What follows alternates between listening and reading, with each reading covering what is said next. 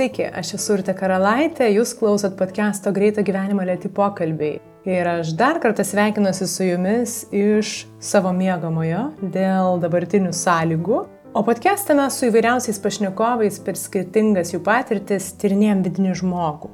Jeigu čia užklydai pirmą kartą, tai kviečiu paklausyti ir kitų tikrai be galo įdomių pokalbių, kurie išeina kas antrą trečiadienį. Visus juos rasi Spotify, iTunes 15 min klausyk ir kitose programėlėse bei karalaitė.com pasvirasis brūkšnys podcastas.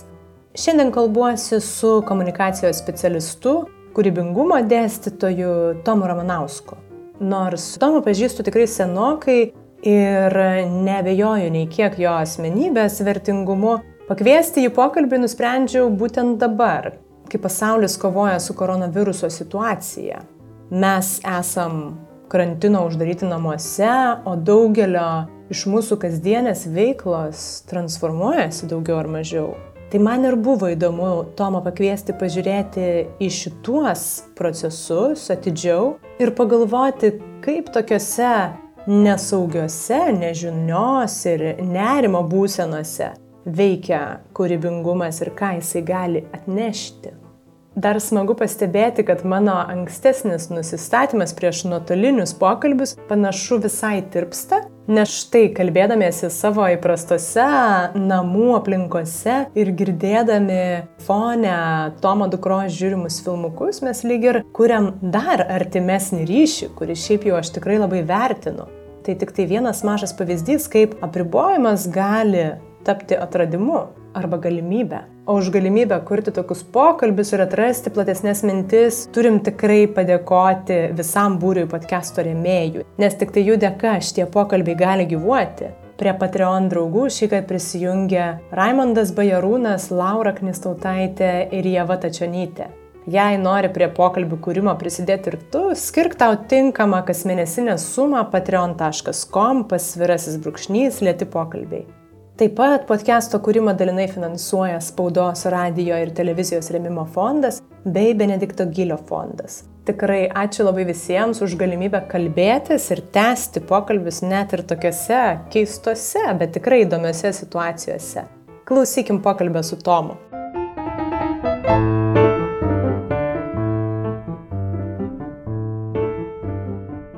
Aš pradėsiu nuo pradžių. Jeigu dabar naktį atvažiuoja pas tave ir e, grasina išvežti, izoliuoti ir klausia, kas yra kūrybingumas. Ką tu sakai? Norėčiau tokias aplinkybėse netgi atsidurti, kad kažkas man grasintų ir sakytų, bet gerai, ta, mes jūs tai išvešim, bet jūs man paaiškinkit, kas tas kūrybingumas. Tai fainai visai skambėtų. Tai aišku, kadangi man tenka apie kūrybingumą daug pasakoti, tai aš jau atidirbęs tas formulės, kuriomis reikia atsakinėti paradoksaliai kalbu apie kūrybingumą, bet juos vis paruoštukų turiu. Aš visą laiką prisimenu labiausiai iš visų, jeigu taip iš tikrųjų pažadintas naktį, turėčiau pasakyti, tai aš kūrybingumą visą laiką palyginčiau su juodos ir baltos maišymu, negaunant pilkos. Dėja, neatsimenu, kas yra autorius citatos. Paaiškinti galima būtų taip, kad ne, mes gyvenime viską imame iš to, kas prieš tai egzistavo ir iš tų dalykų mes galim sukonstruoti naujus pasaulius, naujas idėjas, naujus dalykus.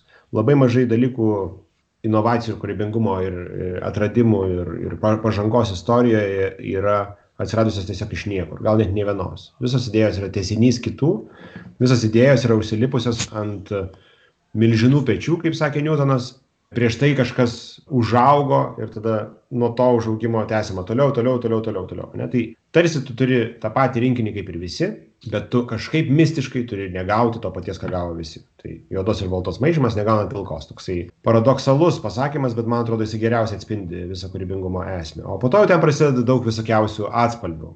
Kurio kampu tu apie išneki, kuriam kontekste ir taip toliau. Ten verslė tai yra koks nors originalus problemų sprendimas ar ne. Ir taip toliau ir taip toliau.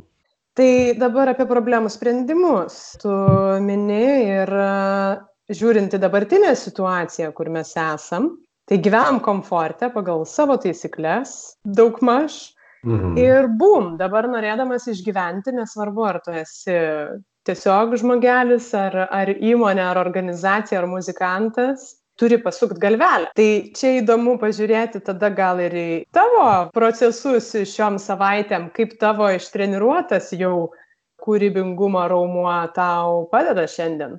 Jo, tokia situacija, kurią mes pakliūname prieš savo valią, visą laiką yra sveika kūrybingumui arba atsirasti, arba pažadinti, kuris buvo užsnūdęs ilgai mumise, bet jinai reikalauja kažkokio sukimosi, ieškojimo, galvojimo, neordinarumo, nes seni metodai nebeveikia staiga, ne?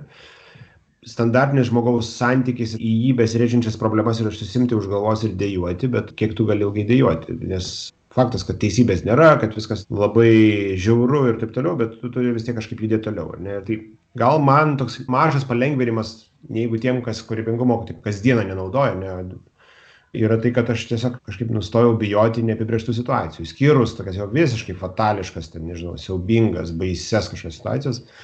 Man tos neiškumas ypatingai, kai kalbam apie ekonominius parametrus, manęs asmeniškai jisai negazdina. Ne todėl, kad čia nebaisu, dėl, ne todėl, kad ekonomika nesugrius, bet dėl to, kad žmonė šimtus tūkstančių kartų rodė, kad mes randame ir rasime kelius iš neįmanomiausių situacijų, kol mes gyvi. Visa kita yra antriniai dalykai. Tai, tai ta prasme aš kažkaip visai ramus esu ir pastebėjau, esu tuo ramesnis, kuo mažiau medijos vartoju. Ne, aš šiaip stengiuosi gyvenime jau pastarosius nežinau kiek metų, gal kokius šešerius, septynerius nevartoju medijos aktyviai kasdieną, išskyrus ten kokį nors krepšinio portalą, visi turi trūkumų ir pastebėjau, kad man nuo to kažkaip viskas gyvenime tik tai geriau pasidarė. Tai nėra, kad tu visai nieko nežinai ir nesupranti, kas vyksta pasaulyje, tos esminės žinios tave pasiekia, bet ką šita situacija, kurioje mes dabar esame, parodė, staiga mes gavome tokią bilietą į daug laisvo laiko, gal ne tiek laisvo laiko, kiek daug uždaryto laiko vienoje erdvėje, taigi daug mažiau komutacijos, taigi šiek tiek sutaupyto laiko, ne, nes mes daug gyvenime judame.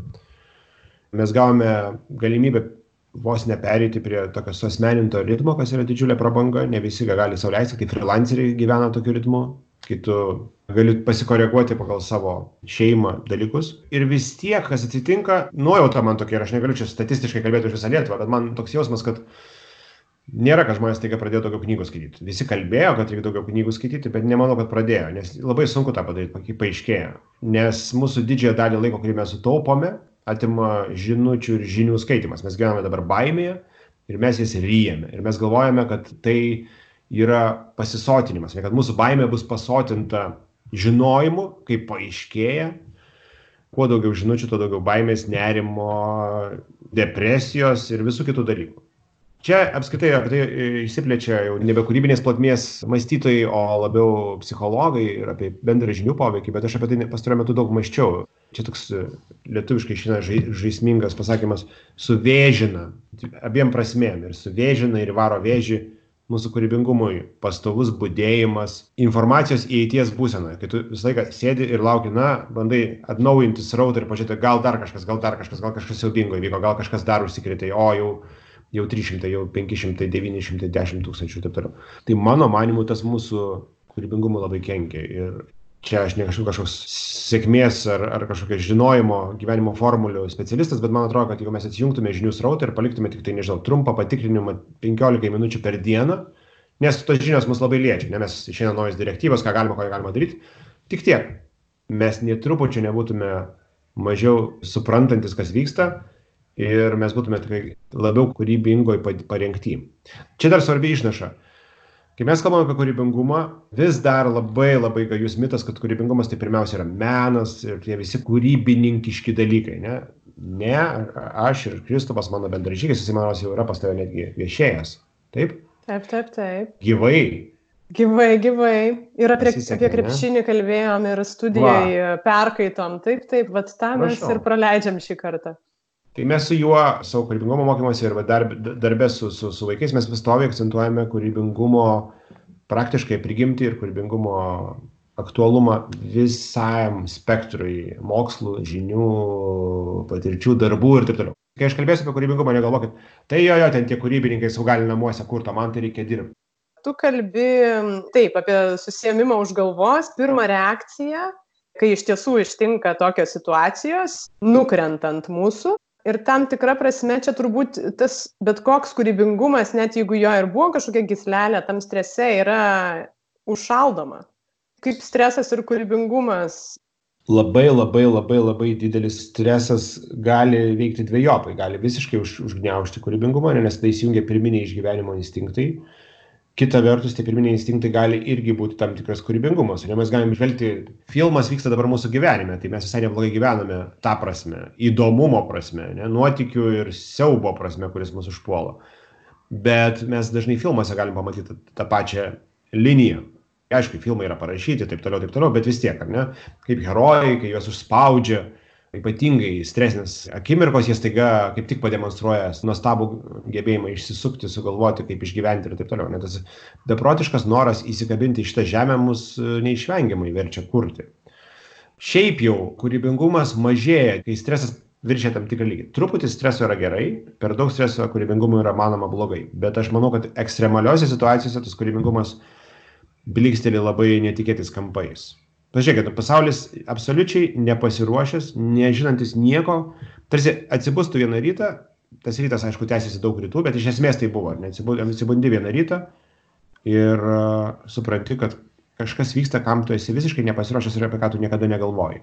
Tai čia kūrybingumas įsijungia aš nežinau tai ką aš mačiau žiniose tol kol skaičiau nes vėl mečiau skaityt nes supratau kad visiškai šakės tai matėsi to kūrybingumo ten galima vardinti iki iki nukritimo. Apie tai buvo daug rašyta socialinėj medijoj ar ne? Visi pradėjo ieškot savų būdų. Atsirado nežinau portalai kurie suveda apie puses. Tie kuriems reikia pagalbos tie kurie duoda pagalbos. Pradėta siūti respiratoriai šimtu trisdešim formatų nuo dizainerių ko tiktai ne. Ne nu ir taip toliau taip toliau. Mes labai staigiai įsijungė maksimalios kūrybinės apsukos mano manymu tai man atrodo kad vat tada ir pasimato kaip kaip kaip mums to kūrybingumo gali prireikti ar ne? Ir kad labai dažnai ypatingai mes pasigendam turbūt valstybiniam lygmeny to kūrybingumo kurio tikrai kartais reikia neordinariose situacijose. Bepigu kai reikia išspręsti tai kas jau buvo išspręsta devyniasdešim devynis kartus tiktai kai kurių žmonių itin aktyvus ir netikėtas proveržis vat manau išjudina tuos dalykus nes labai dažnai žiūrėdamas į valdžią tu galvoji nenorėčiau būt jų vietoj bet bet kuriuo atrodo kad va ten taip trūksta to kūrybingesnio požiūrio ieškojimo nėra teisingo atsakymo iš esmės ane viskas keičiasi kasdieną mes šiandien pašnekėsim su tavim o gal rytoj nežinau tu nebegalėsi šito podkesto išleist nes situacija bus tokia baisi ar dar kažką. O gal kaip tik viskas gerėt mes nežinom šoko būsena tam tikra, žmogus atsiduria aklygatvyje, tai nesvarbu, ar čia žmogus įmonė, ar žmogus žmogus, žmogus mhm. mama, su šitom įvairiom dabar kebliom situacijom. Tai, kad tu sakai, kad taip, kūrybingumas gali kažkaip ten pradėti lysti taip organiškai, bet gali ir ne. Kas gali truputį galbūt padėti prajudinti aišku nieks taip neišjudina kaip reali grėsmė. Dėl to kasdienoje mes tą kūrybingumą pastumiam į šoną nes galvojam na tai mes čia turime nežinau pavyzdžiui įmonėse mes turime daug laiko čia dar pagalvosim ką čia mums daryti kaip atsinaujinti ir po to aišku atsibudam kai jau būna per vėlu ir nieko nebegali padaryti. Nespėjom pasikeisti nespėjome transformuotis ir tapome nebeaktualūs taip nutinka begalybė įmonių ir prekės ženklų. Čia toks mano gal sritis kurioje aš daugiausiai praktiškai tai naudoju o žmogiškajam lygmeny tai vėlgi čia mes dabar tuoj lipsim į kitą tokią didžiulę temą. Man atrodo kad kūrybingumas yra būdas priimti pasaulį. Ne pasaulis į mus beldžiasi kiekvieną dieną visa visais pavidalais visais čiuptuvais. Nuo nuo krizinio formato iki oro iki aibės kitų galimybių. Ir mes galime į viską reaguoti oi aš jau viską žinau žinau kaip čia viskas vyksta žinau trajektorijas žinau savo algoritmus kuriais aš veikiu. Tai nebūtinai yra labai blogai bet mes galim sakyti aha o kas čia? Čia įdomu gal čia yra galimybė gal čia yra kažkoks e, šansas man tobulėti ir tvirtėti ir taip toliau. Nes vėlgi žinai apmąstant daug apie tą kam jo reikia tai aš manau kad ir grįžtant prie asmeninio lygmens turbūt visi patyrimai tavo gyvenime yra tiek vertingi kiek jie tave augina. Kiek tu gali praplėsti save. Kiek tu gali augti visom prasmėm tokiu požiūriu tada tu gali sau atsakyti daug labai skausmingų klausimų gyvenime. Dėl karjeros ar man verta imtis darbo kuris man nepatinka. Dėl viso ko. Ką aš darau kokia prasmė apie ką čia šitas gyvenimas ir taip toliau. Ar verta skaityti knygą o gal geriau man eiti sportuoti. Visus tuos klausimus tu gali atsakinėti per prizmę savęs augimo. Ne, ar tai mane augina? Tai kūrybingumas mano supratimu kūrybingo mąstymo naudojimas gyvenime jis tave augina labai greitai ir smarkiai. Nes kūrybingumas visą laiką neišvengiamai santykis su nežinia. Ane mes vat kalbam apie, apie krizę. Aš nežinau kaip bus dėl to man reikia tai sukurti ane aš turiu tai nėra padaryta. Kai žmogus ieško atsakymų jisai atranda nuostabius dalykus. Kartais nebūtinai to ko ieško ane labai daug mokslininkų yra padarę atradimus kurie nebuvo tai ko jie ieškojo ten kokios mikrobangų krosnelė buvo pasirodo tiktai šoninis efektas visai kitų paieškų ir taip toliau tuo požiūriu tada sakyčiau, kad kūrybingumas turi pateisinimą ir reikalingumą kasdienoje, ne? kad mes jį praktikuodami kasdien mes tiesiog dirbame su savimi ir esame atviresni pasauliu. Nes jeigu tu esi klausiančioje būsenoje, o tu turi būti klausiančioje būsenoje, jeigu nori būti kūrybingas, jeigu tu sieki kūrybingų atsakymų, tu turi klausti, jeigu tu esi klausiančioje būsenoje, tu esi atviresnis pasauliu. Žmogus, kuris klausia, tai žmogus tai yra tas žmogus, kuris tiesia ranką, kuris sako, aš noriu pakalbėti, aš noriu suprasti, o ką tu galvoji, aš nežinau kaip yra. Man baisiausia rušis žmonių ir labiausiai gazdinanti ir žmonės, kuriuos šiaip labai nemėgstu savo gyvenime, yra tie, kurie viską žino. Tie, kurie, oi čia, oi čia, šitą, tai, o jezu, tai čia viskas aišku. Tai... Ir jie žino viską, jie žino apie šitą krizę viską, kas dabar vyksta. Jie viską žino. Jie turi savo paaiškinimus, dažnai tie paaiškinimai tampa su kitų žiniukų paaiškinimais, bet jie yra. Mano įspūdis yra priešingas, man atrodo, su kiekviena perskaitė knyga žinau vis mažiau ir mažiau ir mažiau. Su kiekvienu pačiatu filmu, su kiekvienu pokalbiu e, aš žinau vis mažiau, bet galbūt aš žinau vis įvairiau. Tas suvokimas, man atrodo, yra svarbus, nes tau leidžia pamatyti spalvas, tau leidžia pamatyti niuansų. Paimkim bet kokią sritį, kurią mes nesidomim, net ar nežinau, kokia čia galėtų būti sritis dabar. Norėčiau kažkodėl sakyti vyno gerimas, bet, bet gal negalima apie alkoholį išnekėti, aš nežinau. Bet tarkim. Ar yra sritis, kuria tu nesidomi? Nu, vat rasi dabar sritį, o čia įdomu. Tai be abejo, be abejo. Kiek, kiek, kiek. Yra pilna, bet aš dabar taip, nu, reikia staigiai sugalvoti, sunku, nes viskas truputį įdomu. Šiaip truputį įdomu beveik. Tai aš tą Taip. Gal tautiniai šokiai man mažiau įdomu, bet, bet gali ir ten žavesio rasti. Gentiniai šokiai tuo tarpu visai įdomu, ne? Bet tarkime, tu tautiniai šokiais nesidomi visiškai, nieko apie jas nežinai. Ir staiga tu pradedi, ar kažkas to papasakoja įdomių kampų, ne kažkas papasakoja istoriją, kuris sudomino tave tautiniais šokiais. Tu pradedi gilintis, supranti, kiek, kiek daug niuansų, prieš tai tai atrodė labai primityvus ir paprastas dalykas. Tai čia su viskuo, kur tik tai kiši ranką gilin, tu pamatai, kad, o Dieve, kiek visko daug yra. Ne? Tai apie tą žinojimą aš čia tokią dabar wow teoriją suvedžiau. Tai vad, ką tu ir kalbi, man tas irgi labai įdomu yra. Bet iš esmės žinojimas mums padeda jausti saugiai. Na nu, ir va šitoj visoje situacijoje irgi tas nesaugumo jausmas didelė dalim iš nežinojimo, nebūtinai iš kažkokių tai realių grėsmių. Taip. Dabar, ir dabar mums ta nežinomybė kelia didžiausią nerimą o tas kūrybingumas tada būtų tarsi prisipažinimas, kad, na, tu žinai ne viską. Ir tada ar galima pagalvoti, kad kūrybingumas visada ir bus neramus, o tam tikras diletantizmas ar kategoriškumas nuramins. Vienareikšmiškai. Ir tai atsakymas puikus, kodėl tokio kūrybingumo, kasdieninio praktikavimo, ar ne, ne kasdieninio, bet naudojimas kūrybingumu yra tiek mažai procentaliai žmonėse. Ne? vis priminsiu, nors jau mes nemažai apie tai kalbėjome ir viešinė, bet labai greitai tokį jį verta paminėti, nes aš manau, kad tikrai yra dar daugybė žmonių, kurie apie tai negirdėjo. Džordžo Lando mokslininko atliktas testas, NASA jį samdė, kad jisai protestuotų, ar, jų, ar mokslininkai, kurie nori dirbti NASA, yra pakankamai kūrybingi. Jis padarė kūrybingumo testą. Ir jisai davė mokslininkams ir, po, ir paraleliai pagalvojo, bet aš dar duosiu tą patį testą vaikams, tuos penkiamečiams, dešimtmečiams, penkiolikmečiams ir taip toliau.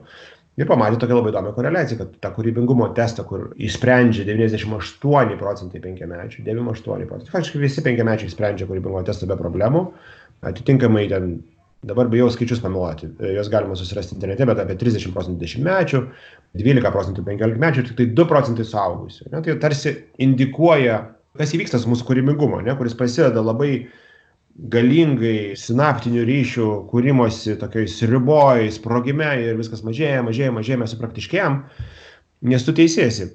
Dar labai svarbu čia, svarbi trumpa išnaša. Kūrybingumas jokių būdų niekada nekovoja su žiniomis, išmanimu, profesionalumu, patyrimu ir taip toliau. Kūrybingumas kaip tik to labai vertina ir siekia. Tai nėra prieš priešą. Ta, ta prieš priešą yra tarp tokio totalaus žinojimo, ne, kuris apskritai neįmanomas, mano supratimu. Niekur tu gali būti viską skaitęs apie viską ir tu vis tiek totaliai negali žinoti vis laik. Ir čia yra žavesys gyvenimo, bet daug žmonių galvoja, kad jie viską žino apie tam tikrą sritį. Va, tai kūrybingumas nėra prieštara tam, ne, bet, bet akivaizdu, kad labai mažas procentas žmonių per gyvenimą, dėl įvairių priežasčių, dėl institucijų, dėl, dėl socialinio spaudimo, dėl tėvų, dėl edukacijos sistemos, dėl milijono kitų dalykų kūrybingumo atsisako, ne, nes mums užtenka mūsų algoritmiškumo, kurio mes naudojam daug ir jisai irgi beje reikalingas, kad mes išgyventume šitame pasaulyje. Ne? Tu atsikeli ryte, įsivalai dantis, darai tam tikrus ritualus, kasdieną vienodus, grįžęs vakariais įjungi televizorių ir tavo diena nuo dienos iš esmės nesiskiria. Mes turim tokį prigimtinį norą įvesti tvarką pasaulyje, kuri, kuris, kuriame tvarka beveik neįmanoma. Pasaulis yra amžinai chaotiškas. Žinai, kaip žmogus, kuris turi OCD ir nori visą laiką, jo būtas būtų tobulai tvarkingas. Ne? Tai yra neįmanoma misija, jeigu yra gyvų žmonių tame būte dar, tai yra neįmanoma misija. Arba tu tik tai tvarkaisi. Tai va tas mūsų begalinis noras visą laiką susitvarkyti gyvenimus, išspręsti problemas, jis yra klaidingas tuo požiūriu, kad mes traktuojame save kaip baigtinė asmenybė. Ne? Vat, to aš čia susitvarkysiu savo psichologinės problemas pasaulios nors. Ne? Tai yra neįmanoma, tai yra amžinas procesas, tu pastovi su savim dirbi. Lygiai taip pat kaip to aš čia užsikočiosiu per savaitę ar per mėnesį ne? ir po to man nebereikės gyvenime. Tai nesąmonė, ne? Tu išmoksti kalbą ir jinai irgi atrofuojasi. Taip, tu ją turi kažkur giliai savyje, va, pavyzdžiui, rusų kalba, kurios aš iš vis nenaudoju, man yra tokia gėda, kad aš dabar aš, pavyzdžiui, ne, nu, negalėčiau prašnekėti iš vis ją. Bandžiau netaip seniai ir buvo apgailėtina tai tu dalykus pamiršti, ne? Čia toks mūsų nuo gimimo iki mirties ir prakeiksmas, ir mano manimo ir žavesys, kad tu nieko realiai gyvenime negali turėti. Kad tu įsivaizduoji, kad tu turi, tai tu iš tikrųjų nieko neturi. Ne? Nu, dėl to mes gviešiamės daiktų, fizinių, stiprių pavydalų, nors filosofai ir juos pakvesionuotų. Mes norim turėti viską, ką mes galime atsiremti. Namą, būtą, mašiną, kurią mes laikom rankose tarsi ir taip toliau ir taip toliau. Nes mes patys esame žiauriai nestabilus. Mes esame visą laiką kitime, Alejandro Jodorovskis, toks tau turbūt pažįstamas ir klausytėms tavo irgi be abejo pažįstamas režisierius, nuostabus veikėjas, labai charizmatiškas senis, būrėjas iš taro kortų, visai milijono kitokių nesąmonių darytojas, įkvepianti kūrybingumo ikoną. Jisai sako, kad apskritai nėra vieno gyvenimo, yra daug gyvenimų, mes nugyvenam daug gyvenimų ir tuose daug gyvenimų mes esame skirtingi mes yra tam tikri dalykai, kurie tęsiasi, ne, bet iš esmės tu labai būni daug, nu, tu skiriesi gyvenime. Ir tai nėra blogai. Ne. Tu buvai vienas žmogus vaikystėje, kitas paauglystėje, trečioks esi suaugėlis, ketvirtoks tu tampi išvažiavęs į Indiją ar atostogose, ar dar kažkur. Ne. Ir ta visa polimorfija, man atrodo, yra visiškai nuostabus dalykas. Tuo tarpu viskas, kas vyksta mūsų pasaulyje ir dabar su tuo pačiu virusu, yra mūsų visą laiką begalinis noras totaliai viską kontroliuoti. Totaliai kontroliuoti ir jisai yra tiek žmonių lygmenį, tiek valstybiniam lygmenį. Ne? Kinija tą sėkmingai gyvendina ir Europą dabar žiūri, glosto savo barzdą ir galvoja, hm, gal ir mums reiktų kažkaip pasigriežtinti truputėlį. Ir va čia man yra baisiausias dalykas šitoje akivaizdoje. Ne ekonominis griuvimas, mes išgyvensim, tikiu, kad gal nenumirsim iš bado, o to užtenka.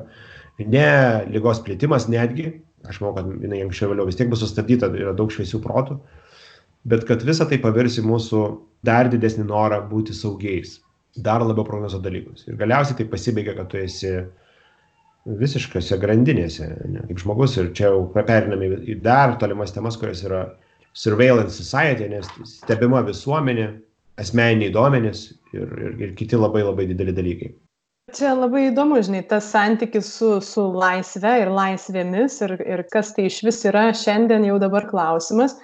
Prie kontroliavimo. Aš dar galvoju, kad mhm. čia yra, kaip ir sutarėm turbūt, kad tas žinojimas, kas bus į priekį, kontroliavimas, kabinimasis už konkretumų kažkokių tai nežinomybės mažinimas yra tas saugumo jausmas. Ir čia gal per tą visą evoliuciją mes nuo tų laukinių laikų, kur aš įsivaizduoju sunku man pasakyt ar tikrai tai buvo kad žmogus tuo metu gyvena visą laiką įtampoj nu turiu omeny kiaurą kiaurą parą nes tave gali vienas ar kitas gyvūnas ar gentis užpulti ir tai galbūt čia kur mes esam mūsų tikslas rasti tą nusiraminimą ir ramybę ir tie faktoriai va to saugumo užsitikrinimo turbūt ir padeda mum nebegyventi laukiniuose Kažkas yra pasakęs, žinai, visos žmonijos bėdos yra tik dėl to, kad žmogus negali ramiai pasidėti kambarį.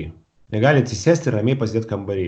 Jis vis juda, iš kažką nori daryti. Žinai, aš manau, kad yra toksai dualistinis mūsų prakeiksmas, kad viena vertus, tu labai teisė, evoliuciškai mes tikrai esame užkoduoti nuo tos amžinos baimės, ne, gyvenimo strese, kai tave gali, jeigu tu užmigsi ant žemės, iki, kalbama, kad iki pat kad stresas pradėjo mažėti, kai atsirado ugnis, kai mes išmokome el elgtis su ugnimi ir pažaboti ugnį.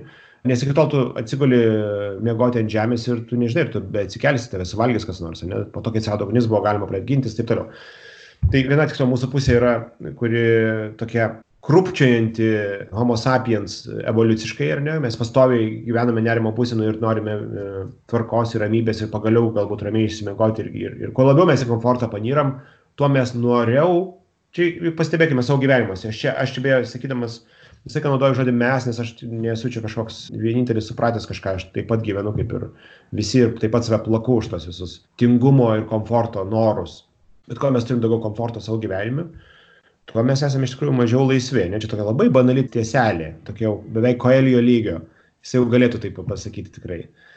Bet iš tikrųjų, tu, tu žengiant žingsnį toliau nuo to elementaraus komforto, ne į dabartinį mūsų šiuolaikinį komfortą, tą vadinamą netgi tokį terminą, nes neįskaičiau užsidarimo ekonomiką, kuri čia prieš kokius penkerius metus apie tai buvo kalbama ir staiga jinai naują atspalvį gyja dabar, ne? Užsidarimo ekonomika, mes gyvename užsidarimo ekonomikoje. Tu viską gali gauti savo namus, tau niekur eiti nebereikia ir tu tokiu būdu tarsi pelnai daugiau laiko, nes tu, kaip jokie kartai skirius ypatingai turtingus karalius, kilminguosius, super, super, super turtingus, neturėjo tiek tarnų gyvenime mes esame apsupti tarnų, jeigu tai pasižiūrėsi, ne? mums, mums visą laiką patarnaujama, mus veža, mums atveža maistą, mūsų rūbus sutvarko ir taip toliau. Tu gali visiškai atsisakyti bet kokio praeities neturtingo žmogaus kasdienybės, ne? tu visiškai gali eliminuoti, gyventi kaip karalius realiai.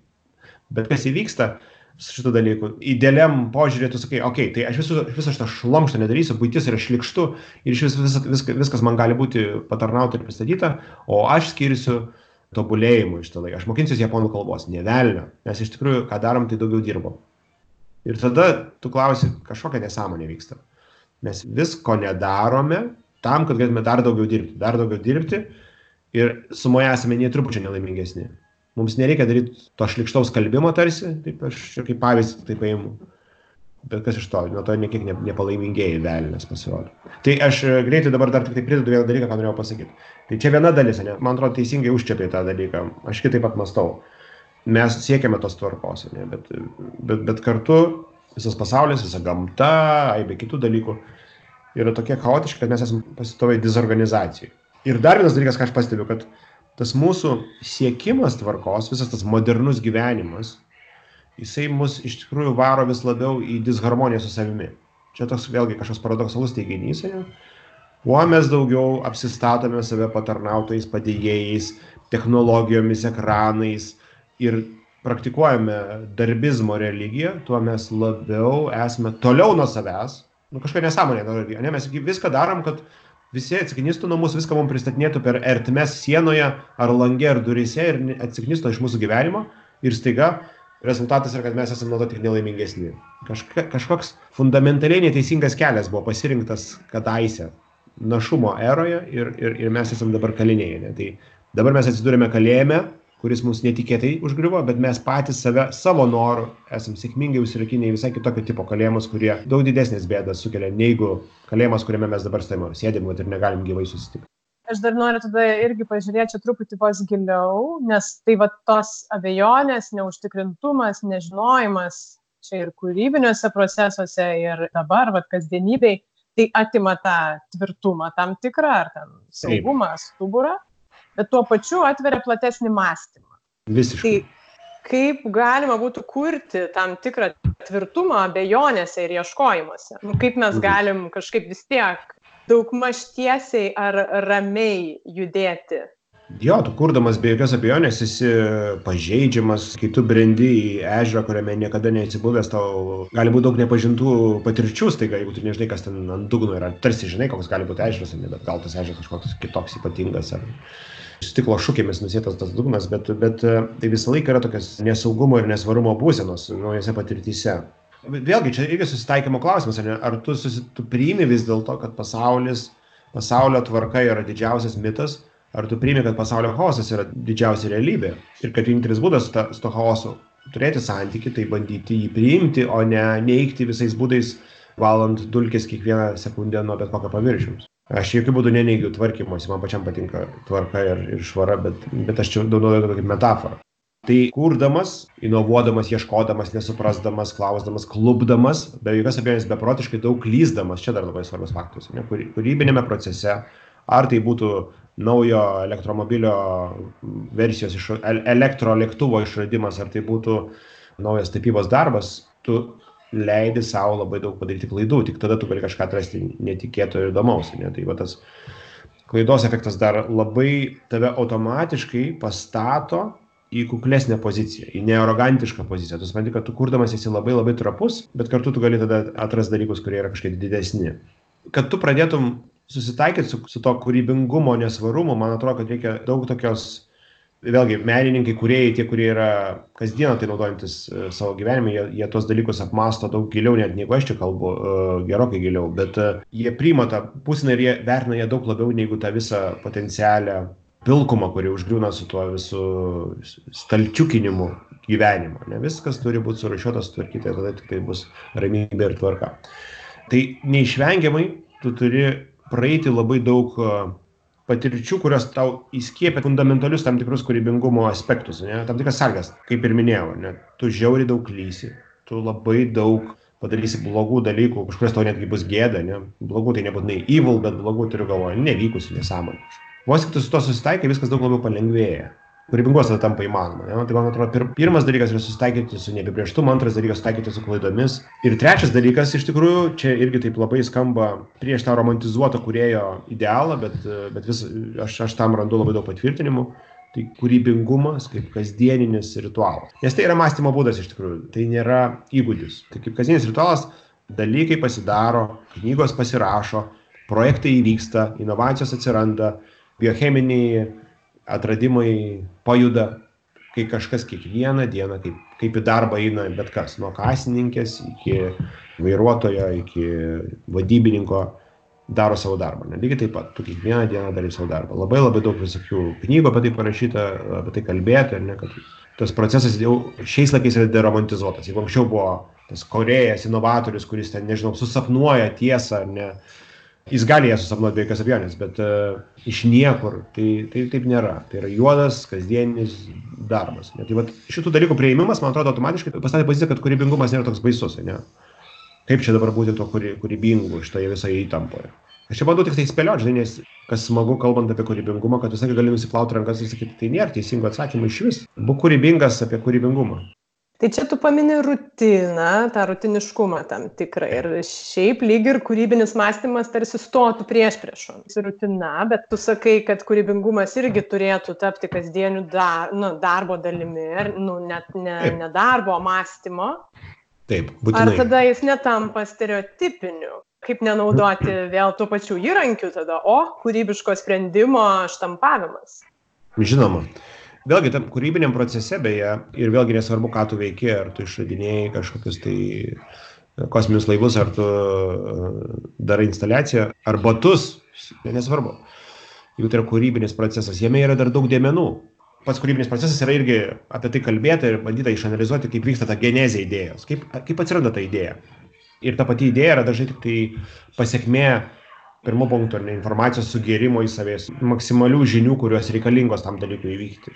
Tu mastai apie kažką, tu galvoji ir tai pamažu tavyje verda kaip kažkokia tai sirba. Ne? Tada tu, tu palieki tos dalykus savieigai, tu pradedi mąstyti visai apie kitus dalykus. Čia dar kitas atspalvis kūrybingumo, beje, kad labai, kas yra nuostabus už tų pasaulio ir už tą visą srautų, kurio mes galime akimirksniu išnaudoti savo naudai, kad kiekvienai tezijai, kiekvienam tikėjimui yra pilna įrodymų, kad jis yra ties, tiesa. Ne? Tai jeigu tu kažko tiki, tu rasi šimtą įrodymų, kad tai yra tiesa, lygiai taip pat rasi šimtą įrodymų, kad tai yra netiesa. Tiesiog reikia pasirinkti. Va, tai aš randu daug uh, įrodymų tikėjimui, kad uh, spektras kūrybingume yra labai svarbu. David Epstein parašė tokią knygą Range, taip vadinasi spektras turbūt lietuviškai. Nežinau, ar lietuviškai neišversta yra Jo, ir jo esmė buvo apie tai, kad e, didieji kuriejai, inovatoriai, išradėjai, jie, minimas ir Darvinas, ir netgi sportininkai, tai, pavyzdžiui, Rodžeris Federeris, ir Vivaldis, ir, ir kas tik ne, jie visi turėdavo labai platų spektrą interesų. Tai nebuvo, kad jie domėjosi tik tai siaurais ten kažkokia savo sritimi. Ne, ne, jie labai visko domėjosi. Federeris žaidė šimtą sportų prieš tai, kai tapo tenisininku ir manoma, kad tai jam padeda turėti daug daugiau pranašumų prieš tos, kurie mokėsi tik tai tenisą tas spektro turėjimas, man atrodo, labai, labai svarbus dalykas. Aš žinau, kartais taip nušunkeliauju nuo tavo klausimo, kad aš jau dabar pradedu suprasti, kad aš jau to nebeatsiminsiu klausimų, kurį tu man uždavai. aš irgi neatsimenu, tai viskas. Tai gerai, gerai, tai, tai, tai pabaigsiu tada, kažkaip mistiškai pabaigsim tą mintį. Ne? Tai spektro turėjimas, pasak Epsteino, jisai duoda tau prieigą prie labai daug skirtingų duomenų. Ne? Tai kūrybiniam procese, kai tu plačiau žiūri pasaulį, ne, tau įdomu tas, tas, tas, tu kažkaip domėjai, galbūt esi profanas kiekvienoje srityje, visko, tai visko gali būti, bet, bet tarkime, tai esi kino kuriejas, ne, kuris dar domėsi apie kitų dalykų. Tai pasitarnaus tavo, tai, tavo sriubai, kurią tu verdi, tai kūrybiniai sriubai ir tai bus uh, geri impulsai. Va, tai pasakoju apie idėjų genezę, ne, kad tu iš pradžių apmastai, tada leidi taip tiesiog jai pačiai virti, daryti kitus dalykus, tada aktyviai tą informaciją apdoroji ir, ir aibė kitų visokių niuansų, nes mes, tie, kurie galbūt mažiau susiduria su idėjų kūrimu, žinot tik tai tą aha momentą, ne? O, ir jam nušvito sprendimas, bet kad prieš tai buvo 20 metų apmąstymo, tai niekas to nepastebi, ne? Ir jis paėmė ir parašė nuostabų šedevrą, ne? kad jis rašė tą šedevrą 15 metų, kažkaip mažai kam ten įdomu, ne pats faktas, mes matom patį faktą, esame priblokšti jo. Bet kai tu paimi ir pradedi dekonstruoti, kaip tai įvyko ir kaip iš ko jis susideda, nebėra viskas taip pribloškinčiai neįmanoma. Viskas yra labai kažkokios loginės sekos, tasos, remixai, versijos prieš tai buvusių dalykų. Ir kiekvienas sritis, kurią domiesi, tau tai atrakina, ne? Muzika, kurią man, man aš mėgstu knaisytis muzikoje nuo pat, nežinau, nuo 13 metų, tai tikrai labai daug metų, iki pačių dienų darau tai aktyviai. Dabar, va šiuo metu mano galvoje yra toks žemėlapis, kad aš būčiau priblokštas, jeigu kas nors parodytų kokį nors kurėją, į kurį negalėčiau referuoti kitais kuriejais. Nu, tarkim, sako, žiūrėk, ar tu girdėjai Velvet Underground, ne? Ir aš sakau, bet jo, bet Underground tai buvo tas, tas, tas, tas, tas ir tas. Tu gali atrasti tas įtakas, ne? pradžioj, kai tu atradinėjai muziką pirmaisiais keliais metais, wow, išgirdau tokį kūrinį, nežinau, išgirdau grupę Suicide. Tai iš kur jie, kaip jie atsirado, taigi nieko panašaus muzika iš vis niekada nebuvo, bet vėliau tie tarpai užsipildo ir tu matai tokį platesnį paveikslą. Tai čia tik taip apie muziką, apie viską taip yra. Ne? Tai nereiškia, kad aš nesistebiu kūrybiniais protrukiais ir atradimais ir uh, inovacijomis, bet uh, jos dažnai būna apsuptos tokio didžiulio hypo, o, o šiaip kaip už to pasižiūri, viskas yra labai toks, nu, ilgametis, nuodugnus darbas, prieš tai buvusių mokytojų žinių pratesimas ir labai daug beje, visokių nobelistų, kai jie atsima apdovanojimus, jie pripažįsta, kad, na, aš turėčiau šiaip padėkoti dar tūkstančių žmonių, maždaug tiek žmonių padarė įtaką šitam atradimui, ne? bet šovę prisimsiu aš, arba paraleliai dar 500 žmonių jį, jį bandė atrasti ir taip toliau. Tai, tai pasižiūri tą į vidurius kūrybingumo viskas taip daug mažiau romantiška. Mano supratimu tai yra sunkus kasdienis darbas ir aš nemanau, kad tai reiškia, kad tai yra darbas, kad tai yra rutina, kad, tai yra, kad tu gali tik tai banalius dalykus tuomet padaryti. Ne? Mes, nes mes, mes norim tikėti to polėkiu, mes norim tikėti mūzą su arfa ant pėties, mes norim sakyti, tai va, ir jis paėmė ir driokstelio ten tokį dalyką, nežinau ką. Bet visa tai nėra atsitiktiniai dalykai. Tau nušvisti gali duše, tam net yra moksliniai paaiškinimai, kodėl taip nutinka, net kūnas pakliūna į tam tikrą uh, automatiką, automatinį tokį ritmą, tu daug labiau atsipalaiduoji smegenis, net bėgiojant, vaikštant, ypatingai, pavyzdžiui, duše, kur nereikalauja daug protinių galių. Aš truputį grįžtu dar tada, tai aš prisiminiau iš tiesų apie stereotipus. Apie taip, apie kūrybingų žingsnių tapimą stereotipiniais. Atsakysiu sakiniu dabar tavo klausimą, pagaliau. Nežinai, aš šnekėjau, šnekėjau ir dabar man viskas vat, e, sukrinta į sakinį. Ne procesas, kaip tu tai darai, lemia stereotipiškumą, o turbūt šaltiniai ir tavo įkvėpimų laukas lemia stereotipiškumą. Ir be jokios abejonės tavo kognityviniai sugebėjimai. Tai ne procesas, mano manimu. Tai, kad tu kiekvieną rytą nuobodžiai 9 ryto atsikeli ir, ir rašai 3 valandas knygą, ką darė begalybė rašytojų skirtingo valandą. Vieni su amfetaminu, kiti su dėktinės budeliu, treti su kurasanu, bet iš esmės ne tai lemia tavo kokybę. Tai dėl to bijotis rutinos procese visiškai nebaisu, atvirkščiai tai yra labai naudinga, o bijotis be abejo apipelkėjusio mąstymo, tai čia yra didžioji bėda. Tai aš dar truputį noriu tada žengtelt link žaidybiškumo. Žaismingumas ir, ir drąsa yra irgi svarbu turbūt šituose procesuose ir truputį grįžti prie šių dienų situacijos ir na, gal norisi pažiūrėti labiau į organizacijas, įmonės, kurios iš tiesų dabar na, visai sudreba. Dabar klaidas daryti gal net ypač baisu yra. Kaip galima žaisti atsargiai? Klausimas, nežinau, reikia pamastyti, pamastykim garsiai visi kartu dabar susirinkę čia. Kaip žaisti atsargiai? Čia toks, žinai, turbūt kaip ir būti kūrybingu atsargiai, labai sunkiai įmanoma, ne? Arba mylėtis labai atsargiai. Mylėtis aistringai atsargiai. Aš bandau įsivaizduoti šitą situaciją, atrodo kažkaip nelabai. Tai vis tiek arba atsargiai, arba aistringai. Greičiausiai su kūrybingumu yra tas pats. Tu negali būti taip pusė kojas, tada tu gauni tokį drūgną vandenėlį. Atsargumas yra reikalingas įvairiuose procesuose, bet atsargumas ir kūrybingumas, mano manimu, iš esmės yra priešingi, yra antonimai, o ne draugeliai. Jie negali draugauti. Negali būti atsargiai kūrybingas. Jeigu tu esi atsargus, greičiausiai tai jau yra požymis, kad tu nesi kūrybingas. Dėl to jis kartais gali būti pražudingas, be jokios abejonės. Tu gali taip padaryti dalykus, kad jis turės fatališkų pasiekmių, bet nu, čia visa žmonijos istorija. Ne, mes sugalvojame, kaip pagaminti save vairuojančią mašiną, tada kažkas atsėda prie jos vairo ir sugeba užsimušti su ją. Ir tada žmonės sako, nu va, košmaras, siaubas, kai mes taip galėjom padaryti, ne? Tai aš žinok, sakyčiau, kad aš tikėčiau tuo, kad e, mes negalim būti atsakingi ir kūrybingi. Ir aš pastebiu pats savyje, kai aš, man kadangi tenka dirbti daug su visokiais dalykais kaip reklama, komunikacija, ne, tai ten to atsargumo tu irgi kaip puikiai žinai. Kodėl ten tiek mažai kūrybingumo? Dėl to, kad e, yra daug labai atsargių užsakovų, kurie nori saugumo, kurie nori prognozuojamos reakcijos. Bėda, kad ta prognozuojama reakcija negali būti ekstatiška. Ne? Neįmanoma reaguoti į dalykus 92 kartą, jeigu jie yra tokie patys. Vėl dar vienas žmogiškas paradoksas. Aš manau, kad mes prigimtinai bijome naujovių. Mes bijome visko, kas nauja. Ta gali labai lengvai patirti. Nes nesaugu. Tą gali patirti labai lengvai, kaip telefone ateina atnaujinimas operacinės sistemos. Kiek būna pasipiktinimo, Jėzus, nebesuprantu, kur rasti mano mailą. Čia toks mikro ligmuo, ne? Labai ne, žmonėms nepatinka, po kurio laiko susigyvena, o gal ir gerai visai.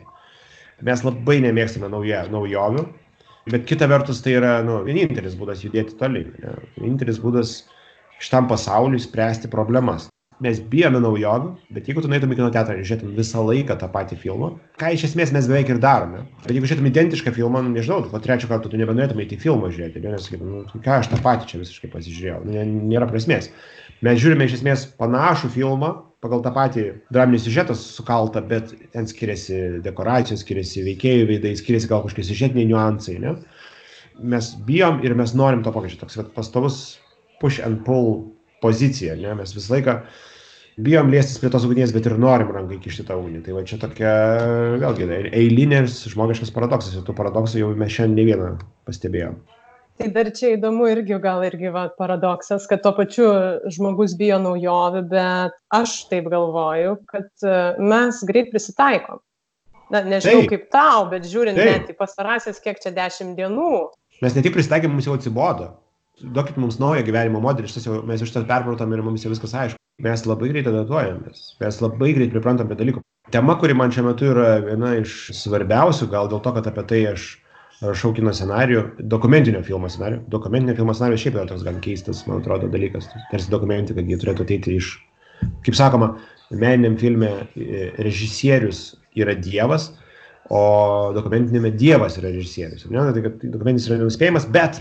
aš rašau jam scenarijų ir tema yra apie tai, kaip technologijos mus nuvilia tarsi. Darbinis pavadimas yra Modernity has failed us aš apie tai mąstau, žinai, ir pradėsim tavo mintį yra tai, kad viskas vyksta tokiu dideliu tempu, kad mes neturime laiko reflektuoti, kas su mumis vyksta. O nereflektavimas, man atrodo, yra nu, labai pavojingas dalykas. Tokiu greičiu viskas keičiasi, ne? Mes turime kiek? Dešimt su trupučiu metų apmastyti ką tie socialiniai tinklai su mumis daro. Dešimt su trupučiu metų apmąstyti o ką su mumis daro išmanaus telefono pastovus tikrinimas ane yra apie tai parašyta knygų ir taip toliau bet kalbu kad imtis labai maža ne? Mes turime du tūkstančius metų apmąstyti ką su mumis ten padarė tam tikri senovės įvykiai ane arba ką industrinė revoliucija padarė. Ir tai mes dar negalim visko įvardinti. O ką jau kalbėt apie TikTok socialinį tinklą, kaip mums įsivertinti, ką jis, mumis, ką jis daro su mūsų vaikais galbūt, ar su, su jaunimu o daro. Bet čia, aišku, -huh, apie prisitaikymą, tai be abejo, tai ką tu sakai, na, kad greit prisitaiko, tai yra pliusų ir minusų, bet, mm. aišku, žiūrint į šiandieną, tai gal visai įdomu pažiūrėti, kaip uh, žmogus organizacijos prisitaikinėja ir ieško kažkokių naujų galimybių. Tai čia gal norėtųsi irgi, jeigu galėtum žvilgtelt, kokias šita krizė galimybės kuria ir kokias gal tu matai kažkokias įdomesnes. Man labai įdomu buvo, aš taip gal tik antraštę pastebėjau, nuomoja darbuotojus įmonė kitai mm. įmoniai.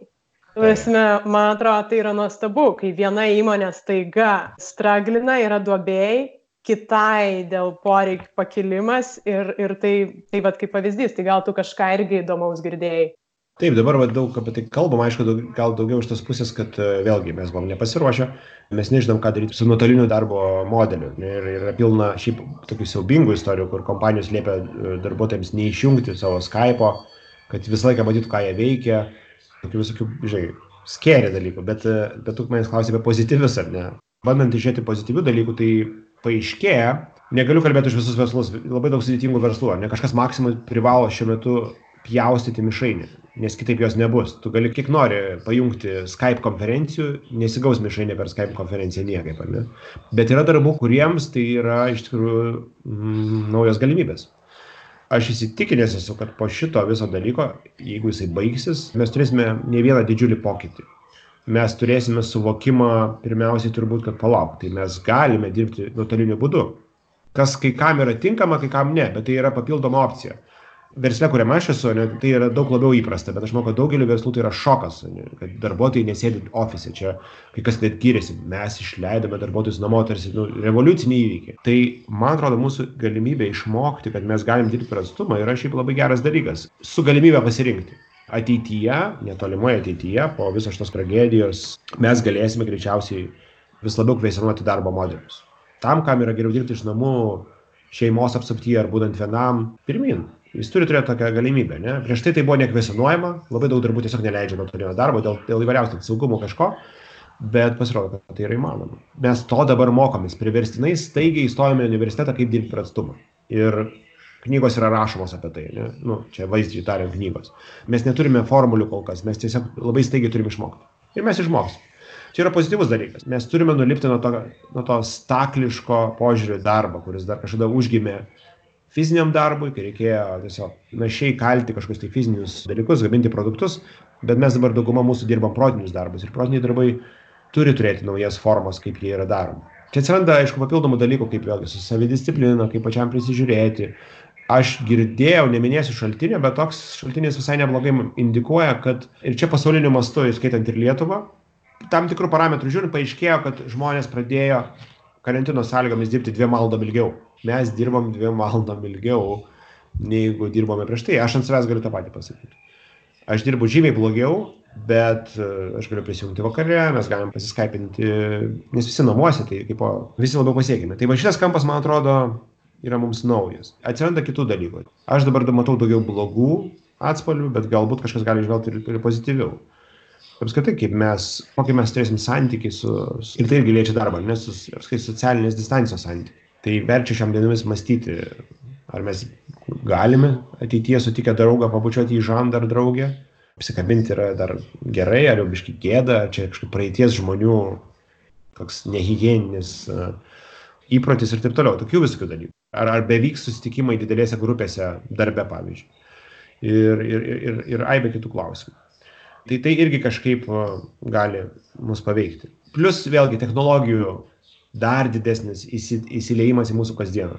Bet vėlgi mes dabar skypinamės, bet egzistuoja šalia ir Zoomas, ir e, Microsoft Teams, ir, ir Google Meets, ir priemonių, staiga spektras didžiulis ir pasirodo jos kai kurios labai gali padėti keičiantis informaciją. Realiai mes mokomės naujų dialektų, mes mokomės naujų dialektų, kaip bendrauti, kaip kalbėti, naujos, naujos tvarkos. Ne? Tai šitie dalykai tikrai labai labai keičia.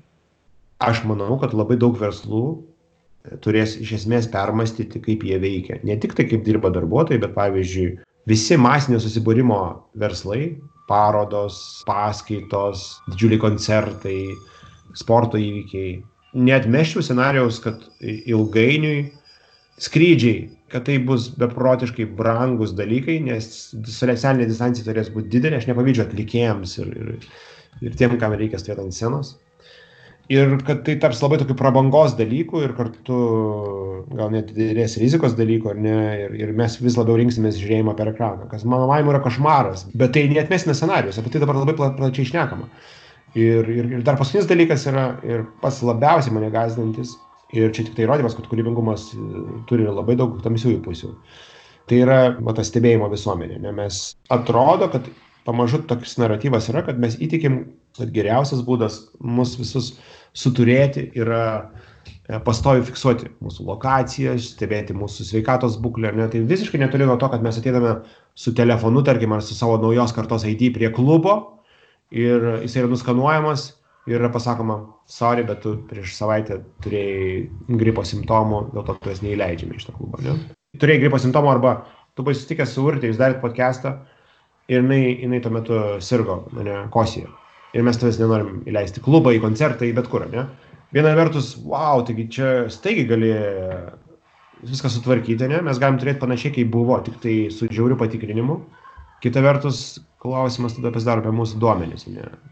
Kuriuos mes taip čia stengiamės apsaugoti. Ir aš manau, kad juos reikia saugoti, jie yra beprotiškai vertingi. Mes esam tada tokie keurai atviri vis, viskam. Nes labai sunku paneigti, kad kai atsiranda toks, tokia galimybė, kad kažkas nepabandys panaudoti tos galimybės e, kitiems tikslams, ne?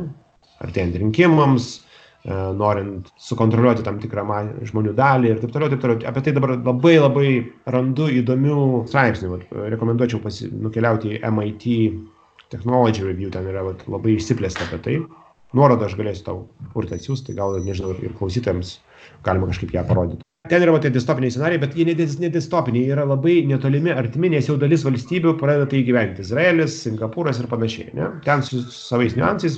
Tai jeigu mes visą laiką galėsim būti sekami, tai čia ir darbo prasme, ir, visa, ir asmeninė prasme mes, nu, tapsime labai, labai apsiriboję. Labai nesergantis, greičiausiai, bet labai kalinti. Tai va čia yra didelis klaustukas, ar tai yra kelias, kuriuo mes norime eiti tokiose krizinėse situacijose turbūt tenka atidžiau pasižiūrėti, kur mes esam pažeidžiami, kur anksčiau atrodė mes pat esam labai saugus ir kontroliuojam.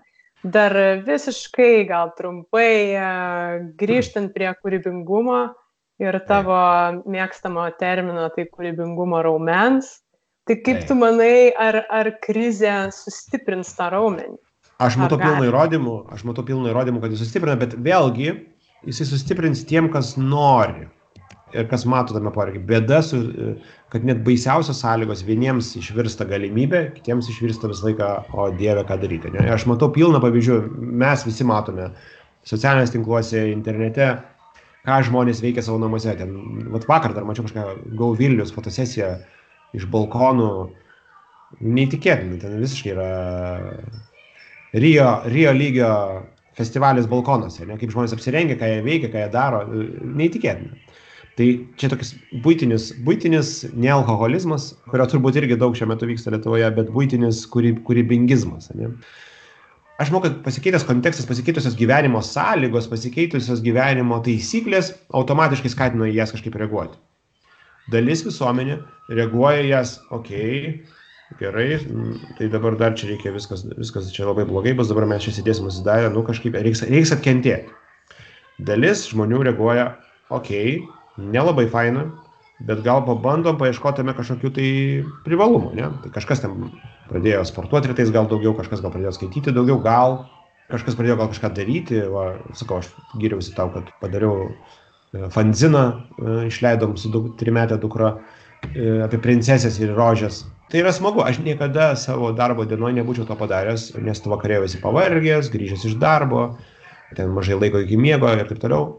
Tai va prašau čia yra labai tokia mi, mi, mikroskalė ne bet dabar yra tas šansas bandyti imtis tų savo projektų kuriuos mes visą gyvenimą atidėliojame. Ne mes žadėjome daryti tą startuolį mes žadėjome daryti tą kai viskas griūna argi tai nėra geriausias metas kažkam kurtis krizės akivaizdoje visą laiką nukenčia kažkas ir kažkas iš to išlošia. Ar tai nėra geras metas dabar susėsti prie savo projektų, kuriuos mes dėliojame ir galvojame, na dabar nelaikas.